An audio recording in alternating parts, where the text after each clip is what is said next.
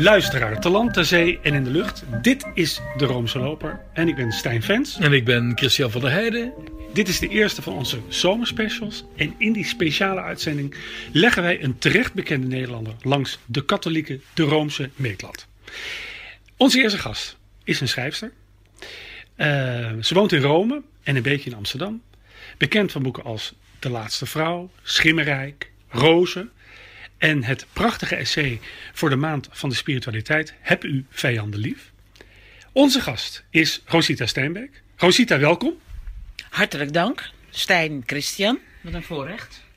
Nou, het, het, het, voorrecht is geheel onzerzijds. Nee, ik ben echt vereerd. Ik vind het ontzettend leuk.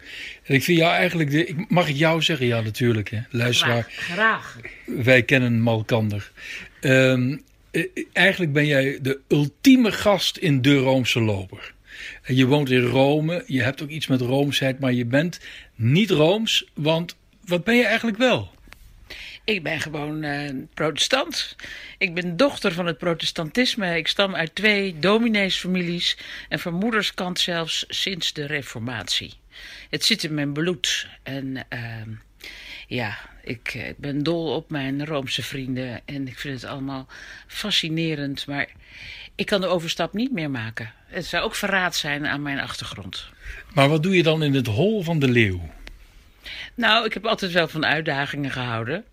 En ik was natuurlijk heel erg uh, thuis ook in, in, in de antieke wereld. Toen ik daar aankwam, toen uh, was dat de, schok van herkenning. Want toen ik een klein meisje was, toen moest ik al voortdurend van mijn vader Latijnse en Griekse citaten debuteren. Wat zeggen jullie als er te weinig balletjes in de soep zitten? Apparent rari nantes en gurgite vasto. Hier en daar worden zij zichtbaar, drijvend in de onafzienbare watermassa.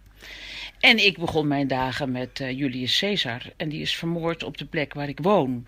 Dus dat was het gevoel van thuiskomen. Maar die Roomse kerk, dat was voor mij heel exotisch. Laten we eens kijken, om te beginnen.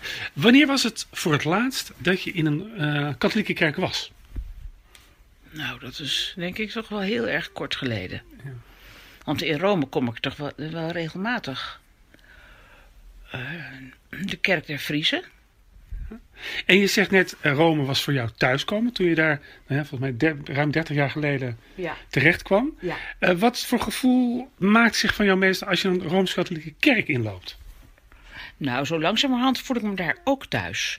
Maar in het allereerste begin niet. Ik ben natuurlijk toch opgegroeid in die hele kale kerkjes... waarin niets afleidt van jouw regelrechte relatie met God. En ja, ik dacht altijd al die pracht en praal. Het is net alsof je een museum binnenloopt. Maar dat ben ik in de loop der jaren toch anders gaan zien. Het is natuurlijk allemaal ook de lofzang op, op, op het goddelijke... En, daar zit ik niet meer zo mee. En nu, nu woon je eigenlijk in een kerk, toch? Hoe, hoe zit dat? Ik woon in Sint-Juliaan der Vlamingen. En die kerk is voortgekomen uit een kapelletje dat al gesticht is in de 8e eeuw. Uh, voor uh, Vlaamse pelgrims naar het Heilige Land, die daar dan bleven hangen. En ik ben daar een tijd een soort van koster geweest. Ik had een geweldige vriendschap met de monsignore die daar de baas was. En ik had de sleutel en als mensen aanbelden, dan liet ik de kerk zien en ik vertelde van alles erover. En ik kerkte daar ook uh, elke zondag. Vertel eens iets meer over deze monsignore. Wat is een monsignore? Ja, eigenlijk weet ik dat niet precies, maar een van de hoge Piet toch in de Roomse kerk. Ja. Um, en hij was ook kerkelijke raad bij de Heilige Stoel bij het Vaticaan. Groot Semiticus, groot Semiticus, geleerd man en ook zeer humoristisch. En ook Wat zeg je nou, een groot Semiticus? Semiticus, ja. Ah ja, de Hebreeuwse, Arabische talen. Ja. En hoe heette die? Of, dat wil je niet zeggen, of wel? Jawel, dat is oh. helemaal niet geheim. Werner Quintens. Werner Quintens. Ja. Nou heb ik me laten vertellen dat hij een goede vriend was van Karol Wojtyła. Um, nou, daar was hij een redelijke vriend van. Maar hij was eigenlijk meer bevriend met zijn opvolger. Ratzinger? Ja, ja. En hij kwam bij mij op de koffie. Maar dan zei hij wel, whisky is ook goed. En toen zat hij nog na te hikken van een etentje dat hij had de vorige avond. En toen zei hij, mijn tafelheer was Ratzinger. Wat kan je lachen met die man? Wacht even. Je kunt lachen met Ratzinger.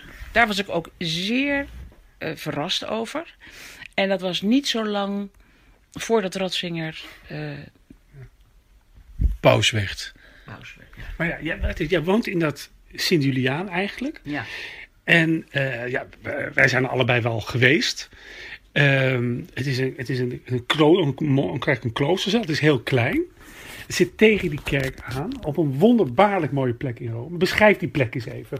En maak ons jaloers. Ja, toen ik daar binnenkwam, onder leiding van deze Monsignore, toen wist ik meteen hier wil ik wonen. Eh, dat palazzo in hartje Rome, tussen het Pantheon en de Piazza Navona, de Campo di Fiori. Een paar treden op en dan, eh, ja, inderdaad een kleine ruimte, maar wel een spannende ruimte met allemaal trappetjes. Door één muur gescheiden van de kerk, die dus stamt uit de 8e eeuw. Trappetje op en dan ben je op een klein terrasje, die grenst aan de binnenhof. Totaal stil, in hartje Rome. En in één muur, die grenst aan dat terrasje, zit het glas in loodraam van de kerk. En daarin is in eh, felle kleuren Jozef afgebeeld met het, eh, het kindje op schoot, geflankeerd door twee engelen. De kraamvrouw was nog niet eh, uit bed. En, en de mensen eh, thuis, eh, de, de, die denken, nou, dan zit ze in een soort palazzo en, en met iets van eh, 300 vierkante meter. Maar eh, je bent eigenlijk heel klein behuisd, hè? Ja, het is heel klein. Het is heel klein. Meters willen we horen. Oeh, dat weet ik niet. Hoeveel Wat meter zal het zou zijn? het Ik denk eh 10 bij nou, ik denk 80 vierkante meter of zo. Nee, nee, nee, Nee, nee. minder. Nee, minder. Ik schat 30. Dat zou best kunnen. Ja. En dat, maar dat terrasje hoort er natuurlijk bij, hè? Want meer dan de helft van het jaar woon je op dat terras. En het is heel hoog. Het is heel hoog. En dat geeft het ook iets, iets kerkelijks. Dus ik heb ook het, altijd het gevoel dat het een soort aanbouw van de kerk is. Ja, want je, want je, je, zit, je zat daar natuurlijk en dat, dat gezangen uit de kerk kon je horen. Dus dat, dat, Rome, dat katholiek geloof dat kroop als het ware door de muren heen. Dat kroop door de muren heen. En eh, nou ja, ik, ik, ik ging daar ook eh, regelmatig ter kerke. Nu af en toe ook wel eens. En als er dan een stilte viel tijdens de mis en mijn telefoon ging, dan kon ik dat horen. En dan dacht ik, ben benieuwd of er wordt ingesproken op het antwoordapparaat. Dus zo innig is de relatie tussen de kerk en mijn huisje. Eh, we gaan even terug naar jouw jeugd. Je had het er al even over. Ehm, hoe werd er in Huizen Steenbeek tegen katholieken aangekeken? Nou, dat was heel dubbel. Eh, mm, het was natuurlijk. eh, ja, de paus was de antichrist. En. eh eh, Dat Rooms. vind eigenlijk wel reden om weg te gaan. Als dat allemaal weer gezegd wordt, wat moeten we daarmee? Nee, maar mijn vader was een provocateur. En die zich. Ja, hij was een renaissancist. En in die tijd speelde dat natuurlijk zeer. Hè? De strijd tussen. eh, de reformatoren en de Roomse kerk. Ik weet nog wel, de bijenkorf der heilige Roomse kerken. Van Marnix van Sint-Aldegonde heb ik toen ook bestudeerd. Maar nee, het was dubbel. Het was ook plagerig. Maar wij, wij hadden ook hele goede, dierbare Roomse vrienden. Maar er werd gespot. Nou ja, Roomse zijn eh, onbetrouwbaar. Of de drie O's. Onbetrouwbaar, onwetend, ongezond. Maar dat was plagerij. Want nogmaals, de beste vrienden van mijn ouders... die waren ook Rooms. Maar heb ik wel eens begrepen dat je, je bent natuurlijk opgegroeid ook een beetje in het, in het tijdperk van de ontluikende ec- ecumene. Ben jij, ging jouw trouw elke zondag naar de, de, naar de protestantse kerk? Of maakte je ook wel eens ecumenische uitstapjes? Dan ben ik namelijk dol op ecumenische uitstapjes. Ja, ik heb heel veel avonturen beleefd. Ik ging heel regelmatig met de familie mee naar een eh, prachtig 12e eeuws eh, kerkje. Waar de muren eh, glad wit waren, Romaanse eh, ramen. Maar ook regelmatig met mijn moeder naar Shalom, die ecumenische beweging, opgericht door twee weggelopen priesters, Piet Rekman en Dolf Koppes. En daar werd de Bijbel op de krant gelegd en de krant op de Bijbel. En daar werd de maatschappelijke verantwoordelijkheid als consequentie getrokken uit het evangelie. Eh, Mag ik nog even terug naar dat middeleeuwse kerkje? Uh, bisschop de Korte, die heeft met... Uh, Even uitleggen wie dat is. Voor ja, dat is de bisschop van Den Bosch. Die wilde niet dat de roze viering doorging in de Sint-Janskathedraal. Dat ging dan wel door in de, in de grote kerk van Den Bosch, protestant. Want er is een andere opvatting van het kerkgebouw tussen uh, die van Rome en van de Reformatie. Maar als ik jou zo zie lopen in mijn fantasie naar dat middeleeuwse kerkje, volgens mij was dat kerkje meer in jouw beleving dan zomaar een dak boven wat hoofden. Ja, het was wel een, het was wel een thuis en, en daar ervoer ik ook een uh, bezield verband. Uh, ja, maar aan de andere kant moet ik ook denken aan een zeer indrukwekkende huisdienst die wij hebben gehouden toen mijn vader overleden was. Hij zei: Ik wil geen lijk in de kerk. Dus uh, we hebben die, uh, ja, die, die huisdienst gehouden. Met rondom de kist. En daarna was er een, een grote rouwdienst na de begrafenis in de kerk. Dus dat heb ik ook ervaren. Dat je ook uh, kan vieren. iets zeer religieus en heiligs. Gewoon thuis. Maar waarom dus wilde hij is... dan geen lijk in de kerk? Dat weet, dat weet ik niet. Dat is iets psychologisch. Dat weet ik niet. Maar in ieder geval. Uh, ja, die uitspraak van de protestant of van, de, van Jezus dan, waar twee of drie in mijn naam bijeen zijn, daar ben ik. Dat heb ik ook wel aan de lijf ervaren. Uh, Rome, hè? Um, Jesse ging naar het gymnasium. Ja. Um, nou, dan kom je met Rome. Wat, wat, wat, wat, was jouw beeld voor Rome toen je, dan nou, zeggen, een meisje van 12, 13 was? Wat voor beeld had je van de stad? Nou ja, ik zag natuurlijk al die, al die, die tempels uh, nog overeind staan en arena's en, uh, en het Colosseum. Maar um, het was ook vaag. Ik was ontzettend nieuwsgierig en ik was heel erg gefrustreerd dat ik niet mee mocht op de Rome-reis. Want? Ik had op mijn dertiende, terwijl ik op school was, op dat gymnasium, um, een hersenbloeding mm -hmm. gekregen. En toen vonden ze dat een beetje te riskant, omdat het soms wat woest toeging tijdens die Rome-reizen. En toen heb ik met mezelf afgesproken, dat ga ik inhalen. En het, uh, het, plan was doorreizen naar Parijs en New York, maar ik had meteen het gevoel van thuiskomen. Die hersenbloeding, hè, dat was eigenlijk een, een, een, misschien wel het kantelpunt in jouw leven? Oeh, dat weet ik eigenlijk niet hoor. misschien is het wel een katalysator geweest dat ik nog meer besefte, uh, het leven moet geleefd. En we moeten ons voortdurend afvragen, waar gaat het om? En dat is wat je in Rome wel heel sterk ervaart. Dat je omringd wordt door uh, voorbije tijden. En elke steen die daagt jou uit, leef nu. En maak er het mooiste van. In jouw boeken beschrijf jij dat, dat, dat bruisende leven. En dat doe je aan de hand van ontmoetingen met zwervers, maar ook met mafiosi. Eh, volgens mij, als ik dat zo, eh, als ik dat, jou, jou, die scènes lees uit jouw boeken, dan vind je eigenlijk uh, die mafiosi uh, evenveel bij het Romeinse leven horen dan geestelijke. Ze deugen allebei niet, maar het is wel gezellig dat ze er zijn. Ja, dat is zo. Het kan natuurlijk ook samengaan, hè? Aha, vertel. nou. nou ja, daar hebben we uh, nou, twee ja. weken geleden van alle. Hey, dus, dus, dus het feit dat er, dat er een bank staat in het Vaticaan, of stond moet ik zeggen, hij staat er nog steeds.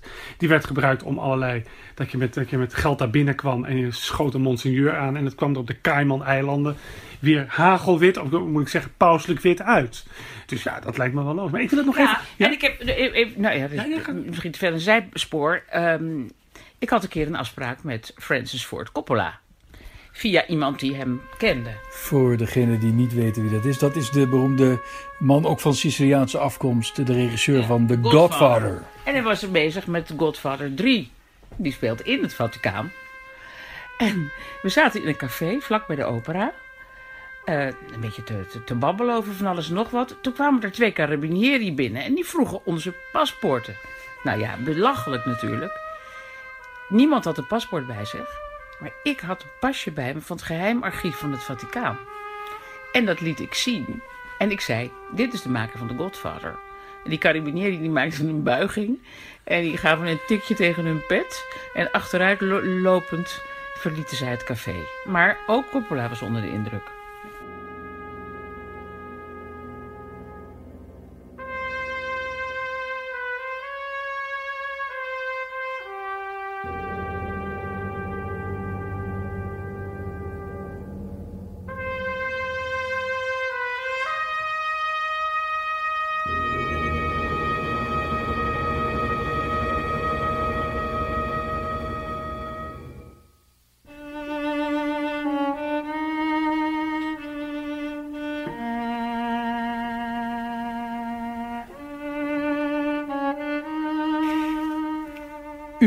Het al, dit was de tune van The Godfather, de peetvader. Rosita, eh, nog even terug naar jouw jeugd.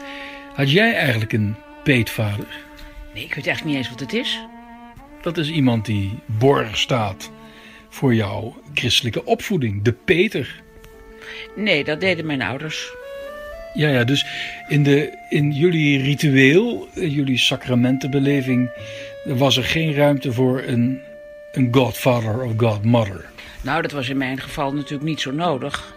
Met twee opa's die dominee waren en ook twee ooms die dominee waren. Dus daar werd wel voor gezorgd. En bovendien was mijn vader daar ook goed in. Ehm, even terug naar Rome.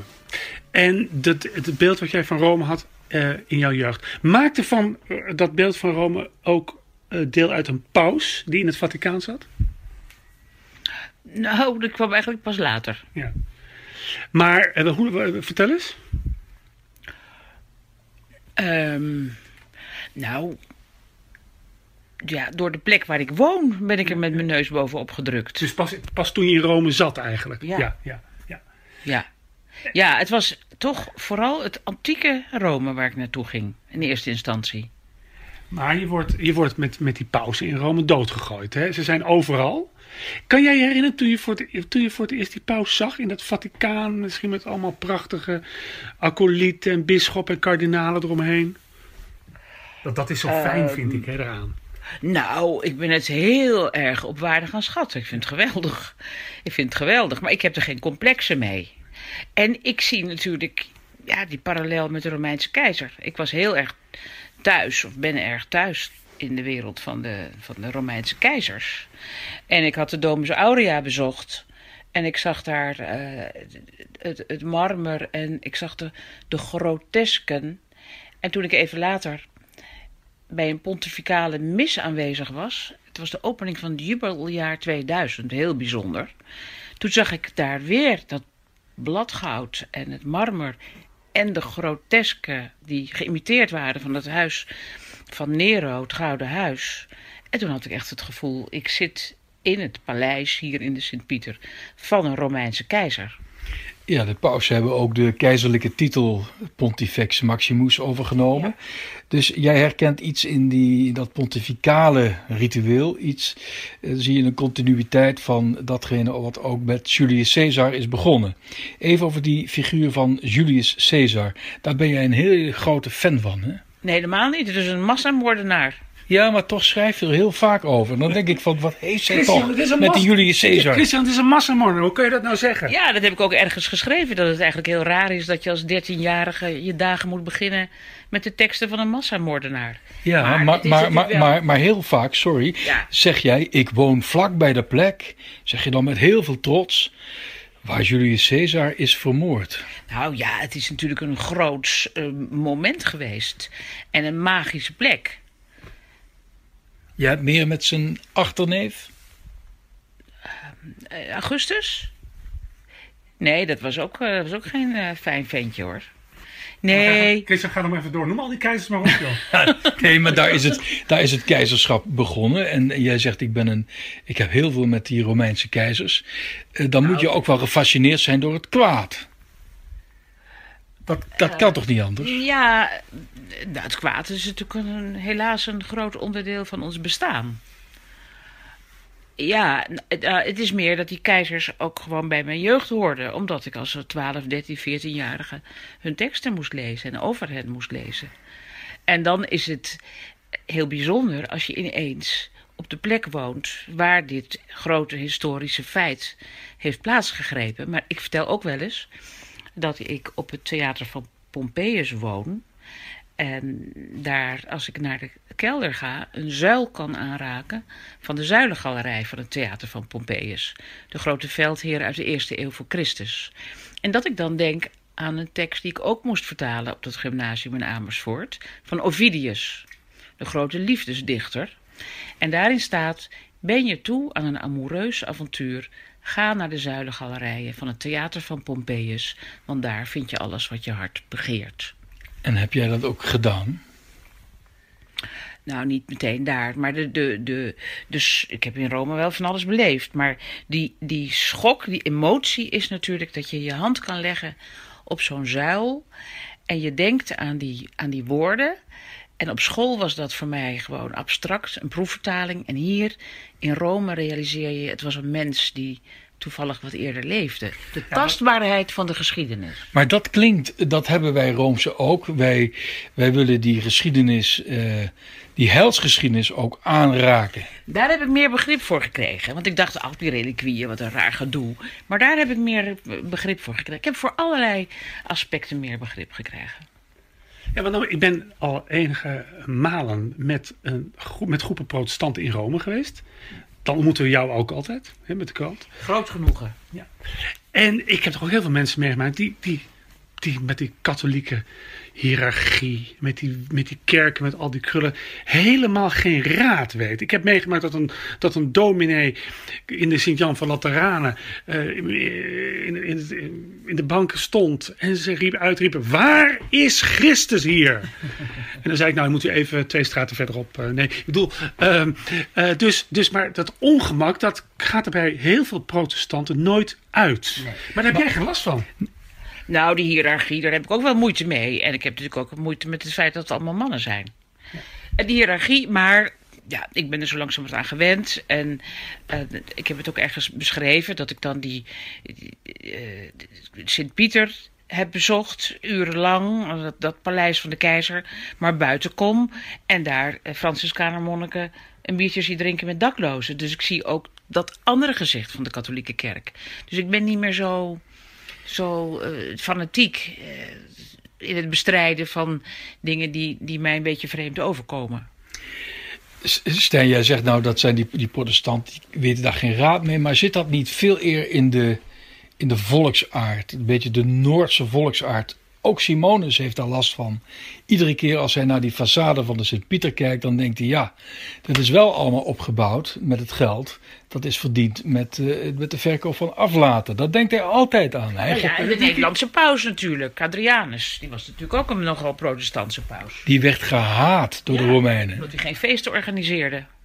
Maar ja. ik, ik, heb daar nooit last van als ik voor de Sint-Pieter sta. Dan denk ik altijd, wat een heerlijk gebouw. En wat heerlijk dat ik daar weer binnen mag. Kan mij schelen hoe het gebouwd is. Zou het ook niet te maken kunnen hebben dat jij ook een beetje West-Brabantse wortels hebt? Ja, dat, dat, dat weten heel weinig mensen. Nou ja, dat, eh, ik, mijn wortels liggen in Breda. Ja, dat zeg ik. En dat was natuurlijk Rooms, maar ook wel enigszins anticlericaal altijd. Maar uh, dat weet ik niet. Maar kijk, wat ik zo mooi vind wat Rosita vertelt over Rome. Hè, dat ze afdaalt naar die kelder en die zeil kan uitraken. Het feit dat je, dat je deel uitmaakt, als je, je maakt deel uit van die geschiedenis. En dat troost mij zo ontzettend. Het feit dat daar zoveel is gebeurd, dat daar zoveel is lief gehad. Mensen zijn en wij worden allemaal opgenomen in die stroom die nog eeuwig doorgaat. Dat is, ja, en dat heb ik over van Rosita geleerd. Om dat aspect nog beter te begrijpen en het letterlijk als een zuil te omarmen. Uh, ja, dat, ja. ja, en dat is ook zo bijzonder van, van een bezoek aan de Sint-Pieter. Dat je daaronder uh, kan rondwandelen. Door dat kerkhof, dat antieke kerkhof. Waar je kunt zien dat mensen in verschillende geloven zijn ontslapen. Het christendom en... en de necropool. Ja, en dan onder, de... zie, zie, je dat graf van Petrus. Ja, Voor de mensen die, die nu een, een beeld krijgen van Rosita is geïnteresseerd in de prachtige praal. Het, het tegendeel is ook waar jij bent ook zeer gebiologeerd door door het lijden van de medemens. En ehm, kun je iets vertellen over jouw nieuwe project? Um, ja, dat komt eigenlijk voort uit het essay dat ik geschreven heb, Heb uw vijanden lief, over compassie. En daarin besteed ik ook aandacht aan het vluchtelingendrama op Lampedusa. En ik was eigenlijk verbaasd door de vele reacties die ik kreeg. Want ik dacht, er is al zoveel over geschreven. Maar mensen zeiden, ja, je brengt het dichterbij... omdat je gewoon tussen die mensen in staat en vertelt wat er gebeurt. Um, dus ik ga nu een, een vervolg daarop schrijven. En ik ga niet alleen naar Lampedusa... Uh, naar Sicilië, waar de mensen die aankomen met hun bootjes daarna naartoe worden gebracht, maar ook naar Libanon. Want er zijn humanitair werkers en dat is heel mooi. Het is een samenwerkingsverband van de protestantse Italiaanse kerken, Valdese, Valdense en uh, Sint-Egidius, die naar uh, Libanon gaan om daar uh, ja, de meest kwetsbare Syrische vluchtelingen uit te kiezen en mee te nemen naar Italië. Dus ik ga beschrijven wat er gebeurt in de gebieden waar het vluchtelingen- en migrantendrama het meest acuut is. Wat vond jij ervan dat de eerste reis binnen Italië van, van de huidige paus naar Lampedusa was? dat vond ik mooi. Ja, ik denk dat hij zich heel erg uh, identificeert toch met de figuur van Jezus. Wij moeten er zijn voor, voor de zwakken en de hulpbehoevenden. En dat hij ook gezegd heeft, de kerken moeten opengezet worden, ook in Rome, voor mensen in nood. Jij ziet uh, ook heel veel uh, activiteiten van liefdadigheidsinstellingen, kerkelijk, niet kerkelijk. Nou lees ik in jouw essay dat daar ook wel wat kritiek te leveren is op een aantal van dit soort organisaties. Ja, dat is helaas bijna altijd het geval. Waar mensen in nood verkeren, wordt er ook misbruik van hen gemaakt. Dus er is toch wel sprake van een soort nieuwe slavernij. Veel migranten die moeten eigenlijk binnen zeven dagen het land verlaten. Maar er is niemand die daarop toeziet. En die belanden dan uh, ja, in uh, landarbeid of uh, huizenbouw en werken daarvoor voor een paar euro per dag. En dat gebeurt ook in Libanon met de Syrische vluchtelingen.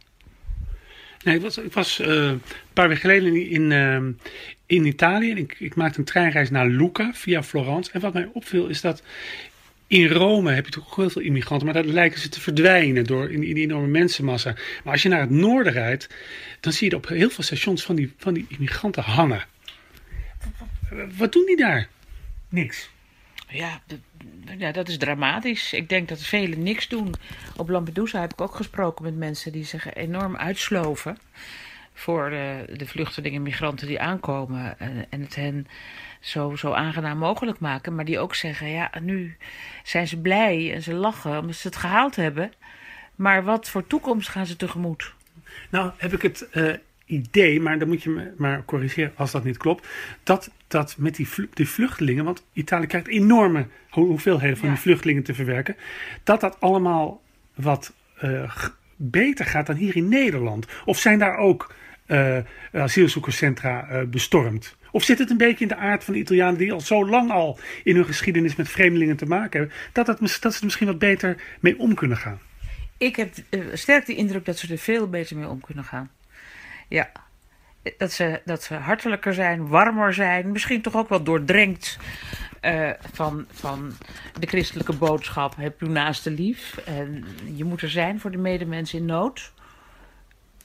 Ja. En heb je, nou, heb je nou het idee dat compassie, hè? want daar heb je, daar, daar heb je nu dat, dat, dat mooie essay over geschreven. Je gaat het nog, je gaat er nog, ik zou bijna zeggen, op promoveren nu. um, heb je nou het idee dat, uh, de neiging is natuurlijk ook om, om dat sommige christenen het idee hebben, ja, compassie is iets van ons. Of bestaat er, ook, bestaat er iets als uh, seculiere compassie? Ja, dat denk ik wel. Dat denk ik wel. Dat er ook seculiere compassie bestaat. Ik heb in, in mijn eerste boekje, het essay over compassie, een, een, een, grote rol gegeven aan Paula La Rosa. Die zich enorm inzet, voormalig advocaat uit Palermo. En zij, ja, zij is een, een atheïstische communiste, maar die zegt: ik, ik ben niet gelukkig als andere mensen niet ook dezelfde kansen krijgen als ik. En ja, de boeddhisten hebben ook het, uh, het concept van de karuna, de, de, de, het mededogen, wat iets anders is dan medelijden.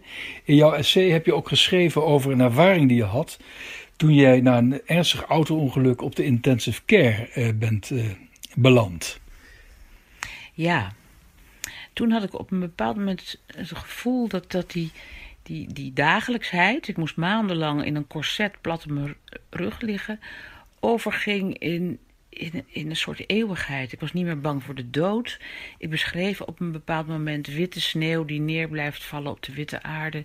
Witte mensen die ons tussen zachte witte lakens leggen. O stille cel, couveuse, baarmoeder, nirwana, niets. Ik wil hier niet weg. Ja, niet meer bang voor de dood. Het kon me niet meer schelen hoe ik eruit zag. Wat mensen van mijn boeken vonden. En dat ging gepaard met een heel diep gevoel van compassie. Van besef dat het lijden bij het leven hoort. Verbondenheid met de andere mensen in het ziekenhuis en eigenlijk de hele wereld. En toen hoorde ik van jou, Christian, dat er een verband bestaat in het boeddhisme tussen leegte en compassie. En dat heb ik dus ervaren. Ik ervoer die leegte en toen ontstond er ruimte voor compassie. Ja, en dan niet de, de leegte, uh, de ledigheid. Nee, maar het verlost zijn van het, van het ego, van het ik en van het ego. En ik heb op Lampedusa bijvoorbeeld ook gezien dat er mensen zijn, belangrijke mensen, die alleen naar de haven gaan als de televisiecamera's erbij zijn. Dus dat ik zit, het ego zit in de weg tussen hen, hun, hun diepste zijn en, en de compassie.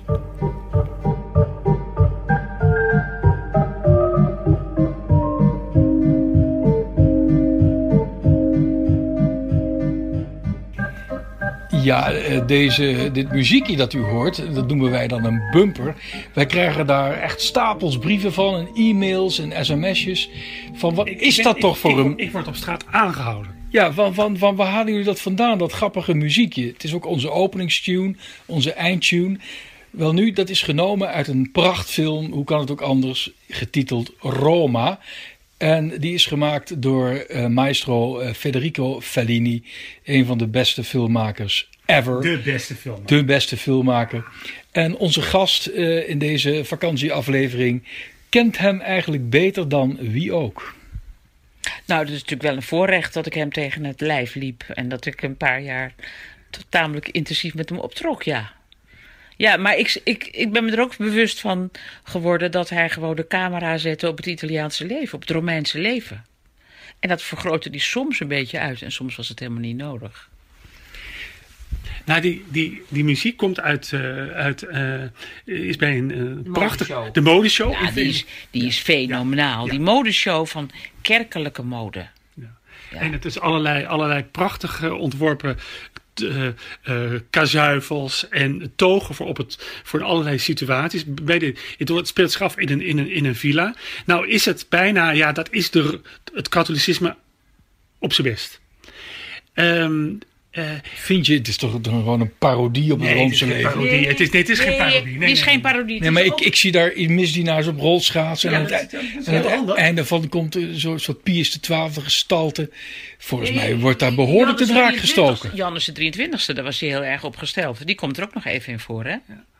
Maar, maar is het. eh, eh, ehm, ja, ik als katholiek voel me buitengewoon thuis in die scène. Omdat het eigenlijk een uitvergroting is van iets waar ik me al heel erg in thuis voel. Namelijk het feit dat je in de Rooms-Katholieke Kerk alle zintuigen bediend worden. Ja. Het is niet alleen de schitterende muziek.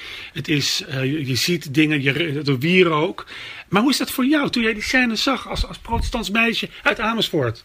Nou, ik had er wel gevoel voor. Ik vond het, ja, het was zo magistraal gedaan. En ik besefte ook, dit is geen spot. Maar dit is ook zijn allerdiepste fascinatie voor, voor die Roomse kerk. En Maar hij was, hij, hij- was hij nog katholiek? Nou, hij heeft wel het laatste oliesel eh gekregen. Oh ja, ja. Ja, eh, het was heel, heel dubbel natuurlijk. Hij kon er ook ironisch over praten, maar hij was, hij wa- was natuurlijk toch wel in zijn bloed katholiek. En ik heb het een keer met hem gehad, bijvoorbeeld over de vrouw in het ambt. En toen keek hij een beetje sip. Ik zei, maar waarom dan niet? En toen zei hij, omdat ik er niet aan gewend ben. Ja, prachtig. Nee, maar het is een, het, het is een fantastische film eh, die we allemaal nog eens een keer moeten gaan bekijken. Ehm, Paolo Sorrentino, die, de, de maker van, daar hebben we het al eens een keer gehad over The Young Pope, hè, maar ook over La Grande Bellezza, Oscar-winnaar, heeft veel van hem afgekeken, vind je niet? Een beetje te veel. Te veel? Ja. Ik hoor dat in Rome men niet erg enthousiast is over La Grande Bellezza. Nou, ja, ik ook een beetje minder. Heel veel mensen zijn geschokt als ik dat zeg. Ik had gehoord, eh, nou, die film, dat is een nieuwe Dolce Vita. Maar dat vond ik niet. Er zitten dus natuurlijk fabelachtige beelden in. Maar ik vond het een beetje naaperij van, eh, van La Dolce Vita. En het had niet die poëzie eh, die La Dolce Vita heeft. Het was cynisch. En dat is La Dolce Vita niet. Nou, daar ben ik het volkomen mee eens. En ik zou toch vanuit, deze, vanuit het, de film, het beeld, toch even nog naar jouw ja, belangrijkste bezigheid, de taal. Dus de, de, de, als je zegt de taal waar je uitkomt, is ook de taal van de Calvinisten. Kaal. Dus, dus de, uh, het Italiaans en, uh, is, het taal, is de taal van de krul. Maakt de dingen, de dingen, de dingen mooier maken. Um, hoe kijk jij vanuit, uh, vanuit jouw schrijverschap, vanuit het aspect van de taal naar dat katholicisme, naar de liturgie? Oh, daar heb ik wel bewondering voor. Maar ja, ik, ik ben ook opgevoed door een vader die thuis was in de renaissance. En waarin juist wel heel veel uh, aandacht en liefde voor de krul bestond. En als jij in Rome nu naar de kerk gaat, ja, je hoeft eigenlijk maar de, trap af en je, je staat in, in dat prachtige kerk van San Giuliano dei Fiamminghi. Maar wat ben, jij, ben jij een flexibele gelovige? Ik ben een flexibele gelovige, ja. Ik kan in veel bochten. Ik kan in, de, in een orthodoxe protestantse kerkdienst meedraaien. Maar ook in een katholieke mis. Daar zie ik ook de schoonheid van. Maar je moet het ook leren kennen. Zing jij dan ook uh, uh, het credo mee bijvoorbeeld? Ja, ik ken het nog niet uit mijn hoofd, maar als ik dat zo voor me heb, dan, dan zing ik dat mee. Ik doe met alles mee. Ik mag natuurlijk niet ter communie, dat besef ik. Dat doe ik ook niet, tenzij die gewoon naar me uitgestoken wordt. Want dat gebeurt ook wel. Dat, dat noemen we dan overmacht. Nou ja, ik, ik, ik, wil, spontaan zou ik daar aan mee willen doen, maar dan hou ik me aan de regels. En wat betekent, wat, kijk, want dus, dus de protestanten vieren, vieren het avondmaal, maar dat is in zekere zin onvergelijkbaar met de Eucharistie. Ja. Wat, op het moment dat jij dan ja, zo'n hostie, uh, zou bijna zeggen, toegeworpen krijgt, wat betekent dat voor jou? Ja, ik denk altijd, het is eigenlijk hetzelfde. Ik, ik denk dan toch aan dat laatste avondmaal en, en Jezus die het allergrootste offer bracht en voor ons stierf. En dat is een, een hele diepe emotie door, die door me heen gaat. En of dat nou letterlijk die hostie zijn vlees is, maar goed, ik ervaar het wel als, als uh, een heel diep ontroerend en inspirerend moment.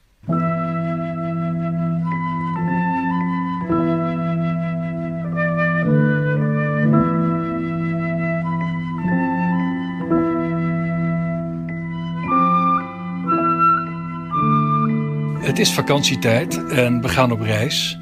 Nou willen wij aan onze gasten in deze zomer willen wij iets meegeven. Namelijk een tip. Wie zou je nou bijvoorbeeld kunnen meegeven als uh, beschermheilige, als ja, patroon ja. of patrones? Dan mag ik dan daarvoor nog even naar de heilige op zich gaan. Want het is mooi. Ja, ja, ja, mooi ja. Kijk, uh, dat is natuurlijk ook een groot verschil tussen de wereld waar jij eigenlijk uitkomt en de katholieke wereld. Dat wij, al die, wij katholieken hebben natuurlijk al die heiligen, ja. duizenden. Hè, voor, elke, voor elke kwaal en voor elke uh, métier hebben we een heilige. Dat weet ik toch wel dat het een enorme indruk op mij maakte. Dat iemand zei mijn man is ziek en ik bid tot de heilige Roggers, want bij Maria kom ik er niet doorheen. ja. Nou hebben wij gedacht, wij willen jou eigenlijk drie uh, vrouwelijke heiligen meegeven, ter inspiratie. En die jou ook beschermen bij, uh, bij al jouw reizen, op al jouw reizen. Uh, dat wil ik even zeggen, wat ik zo goed vind aan Rosita. Rosita is niet bang. He, die gaat dus. Uh, ze heeft dus eigenlijk gewoon helemaal geen. Nou ja, de, beschermheilige is nooit weg. Maar, maar ze, jij stapt er gewoon op af, hè? Dus in die zin heb je. Jij kent weinig angst op dat gebied. Dat is waar, ja. Waar komt het vandaan? Die, die onverschrokkenheid. Ja, nou, ik ben altijd verbaasd als mensen tegen mij zeggen: maar durf je dat? Dat is voor mij heel vanzelfsprekend.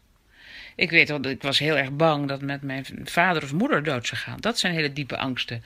Maar uh, nu naar zo'n vluchtelingenkamp gaan en in mijn eentje naar Libanon of door achterbuurten van Napels lopen. Nee, daar ben ik niet nou, bang. Jouw vader is overleden. Dat ja. was een groot, grote klap voor jou. Ja. Waar is hij nu? Nou, uh, ik, ik, ik uh, gun hem toch wel de hemel. Ja? ja? En hoe ziet die hemel eruit? Is die, is die katholiek of protestant? nou, mm, mm, zitten allemaal bij elkaar. Nou, en in die hemel, er zitten ook alle heiligen. Jij, jij hebt ze ook leren kennen. Je hebt een prachtig boek geschreven over de heilige Agatha. Hè, de, de, op Sicilië. Uh, vertel even, van dat vinden toch voordat we jou... Oh ja, Agatha, wauw, wow, wat mooi, ja, ja. Voordat we jou een beschermheilige gaan meegeven, even het verhaal van Agatha. Want het is dat is toch met die, uh, met, uh, met, uh, met, die, met de twee borsten? Ja, die borsten. Ja, nou, ik, ik kom al heel lang in die geweldige stad Catania. En de heilige is daar Agatha, een meisje van een chique familie. En de Romeinse consul werd verliefd op haar rond het jaar 250. Deze mooie jonge vrouw. Maar zij zei: Ik heb maar één bruidegom en dat is Jezus. Hij heeft op alle mogelijke manieren geprobeerd om haar te veroveren, maar zij stond pal. En uiteindelijk heeft hij haar borst eraf laten snijden en haar laten roosteren. Maar elk jaar, op 5 februari, keert zij terug onder haar stadgenoten. De reliquieën worden bewaard in een prachtige reliquieschrijn. Een buste van een jonge vrouw, emaille gezichtje, blonde ogen, lange blauwe ogen, lange blonde haren en de kroon op het hoofd die Richard Leeuwenhard haar geschonken zou hebben. En als die buste de kathedraal binnengedragen wordt, eh, nadat er zeven poorten zijn geopend, dan is het alsof voetbalclub Catania heeft gescoord. Want mensen gaan totaal uit hun dak. Dit is eh, fenomenaal. ja, en dit is ongelooflijk. En wat ook heel bijzonder is, dat alle etalages van cafés en bakkerijen en banketbakkerijen dan uitpuilen van de blanke marsepijnenborsten. Met een kers erop. Ja. Maar wat ik eigenlijk. Dus ik heb dat boek geschreven. Uh, je hebt, is het dan zo dat zo'n heilige nog een tijdje bij je blijft? Ja, ik denk dat ze eigenlijk altijd wel bij mij blijft. Ik ga deze zomer ook weer naar Catania. Nou, en dan, eh, we willen er jou toch nog twee extra aanreiken. Dat is heel lief. Ik wil ook nog even zeggen dat ik, dat ik op een bepaald moment totaal onverwacht een enorme doos bonbons kreeg. Ik zei, waar heb ik dat aan te danken? En toen zeiden ze, het is Santa Rosalia. Oh god, die zijn we vergeten, Stijn. Rosalia, ja. Want ze bidden eigenlijk tot haar. Bedroogde, dan, dan bidden ze tot, uh, tot Rosalia. Want we hadden van jou eigenlijk ook Rosa van Lima in gedachten. Oh, dat vind ik geweldig. Ik ben heel benieuwd wie dat is. Ja, dat, dat is een mystica uh, uit Peru. Zij leefde van 1586 tot 1617. Ze was lid van de derde orde van Sint Dominicus en ze stond bekend om haar extreem ascetisch leven. Zij werd in 1671 als eerste Latijns-Amerikaanse vrouw heilig verklaard. In de hemel kan ze heel veel eh, klaar krijgen, zo wordt ons verteld. In ieder geval, Rosa sluit natuurlijk ook mooi aan bij, bij de naam van jouw uh, grootmoeder, waar je een boek over hebt geschreven. Uh, jij heet Rosita. Waarom heet jij eigenlijk Rosita en niet Rosa? Omdat toen ik in de buik van mijn moeder zat, mijn ouders een toneelstuk zagen van Garcia Lorca. En ik ben het eerste kleinkind van beide kanten. Mijn vader zei als een meisje wordt, dan wordt ze naar de moeder van de moeder genoemd. En die heette Roze. Het was een Duitse jodin. En in het Nederlands is dat natuurlijk Roos of Roosje. Maar mijn vader zei, dat is een typisch Joodse naam. En het antisemitisme kan altijd weer de kop opsteken. Dus we maken er Rosita van. De hoofdrol van het toneelstuk waar we nu naar kijken. Donna Rosita van uh, Garcia Lorca. Prachtig. De andere heilige die we jou willen aanreiken, die uh, komt ook uit Sicilië. En dat is Santa Lucia. Hmm, met de ogen. En die komt uit Siracusa. En, uh, en ze is er overigens begraven in een stad waar jij ook heel veel mee hebt, Venetië. Maar zo heb ik ontdekt, zij is ook de patrones van de schrijvers. Dat wist ik niet. Wat een verrassing. Wat geweldig. Ja, ongelooflijk. Ja. Dus ik weet niet of je hier iets mee kunt, maar ach. In ieder geval gaan wij nu even, we trekken ons even terug en we komen zo even kijken hoe hoog jij scoort op de Roomse meetlat.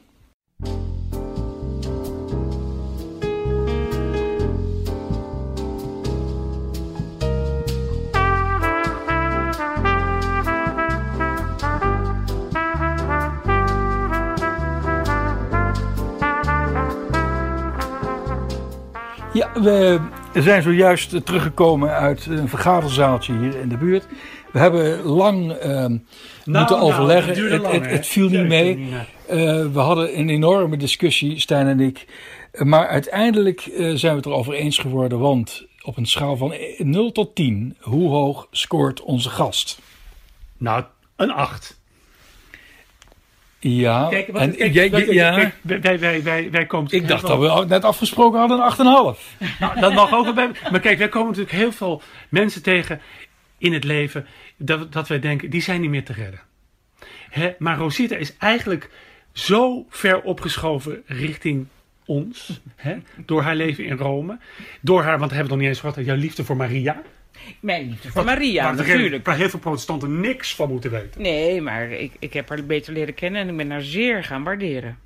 Ja, waarderen of vereren? Uh, nou, ik voel me wel uh, getroost en geïnspireerd door haar. Nou, dus, dus, ik, ik, dus uh, eigenlijk zou ik zeggen, Rosita, dat we de volgende afspraak kunnen maken. Want kijk, een mens is altijd in beweging. Een mens groeit ergens naartoe. Ik heb het idee dat je toch uiteindelijk steeds verder richting de moederkerk opschuift, daar naartoe groeit. In mijn tas zit al een formulier. uh, zou jij, komt er een moment dat jij bereid bent de overstap toch te maken? Kan je dat voorstellen?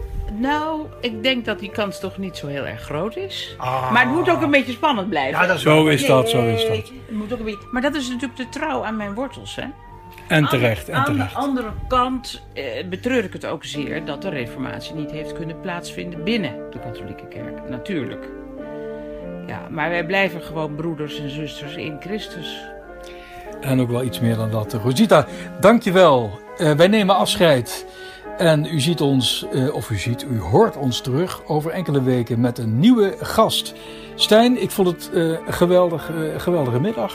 Ja, nee, maar ik zou, ik, en eigenlijk, ik kan wel verklappen, wij zijn nu niet in Rome.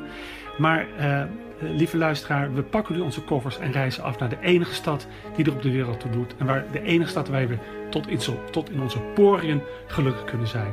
Ja, oh. spreek voor jezelf. Ik ga niet, want het is er bloed en bloed heet. Dat maakt helemaal niks uit. Wij nemen afscheid. Tot ziens. Dag.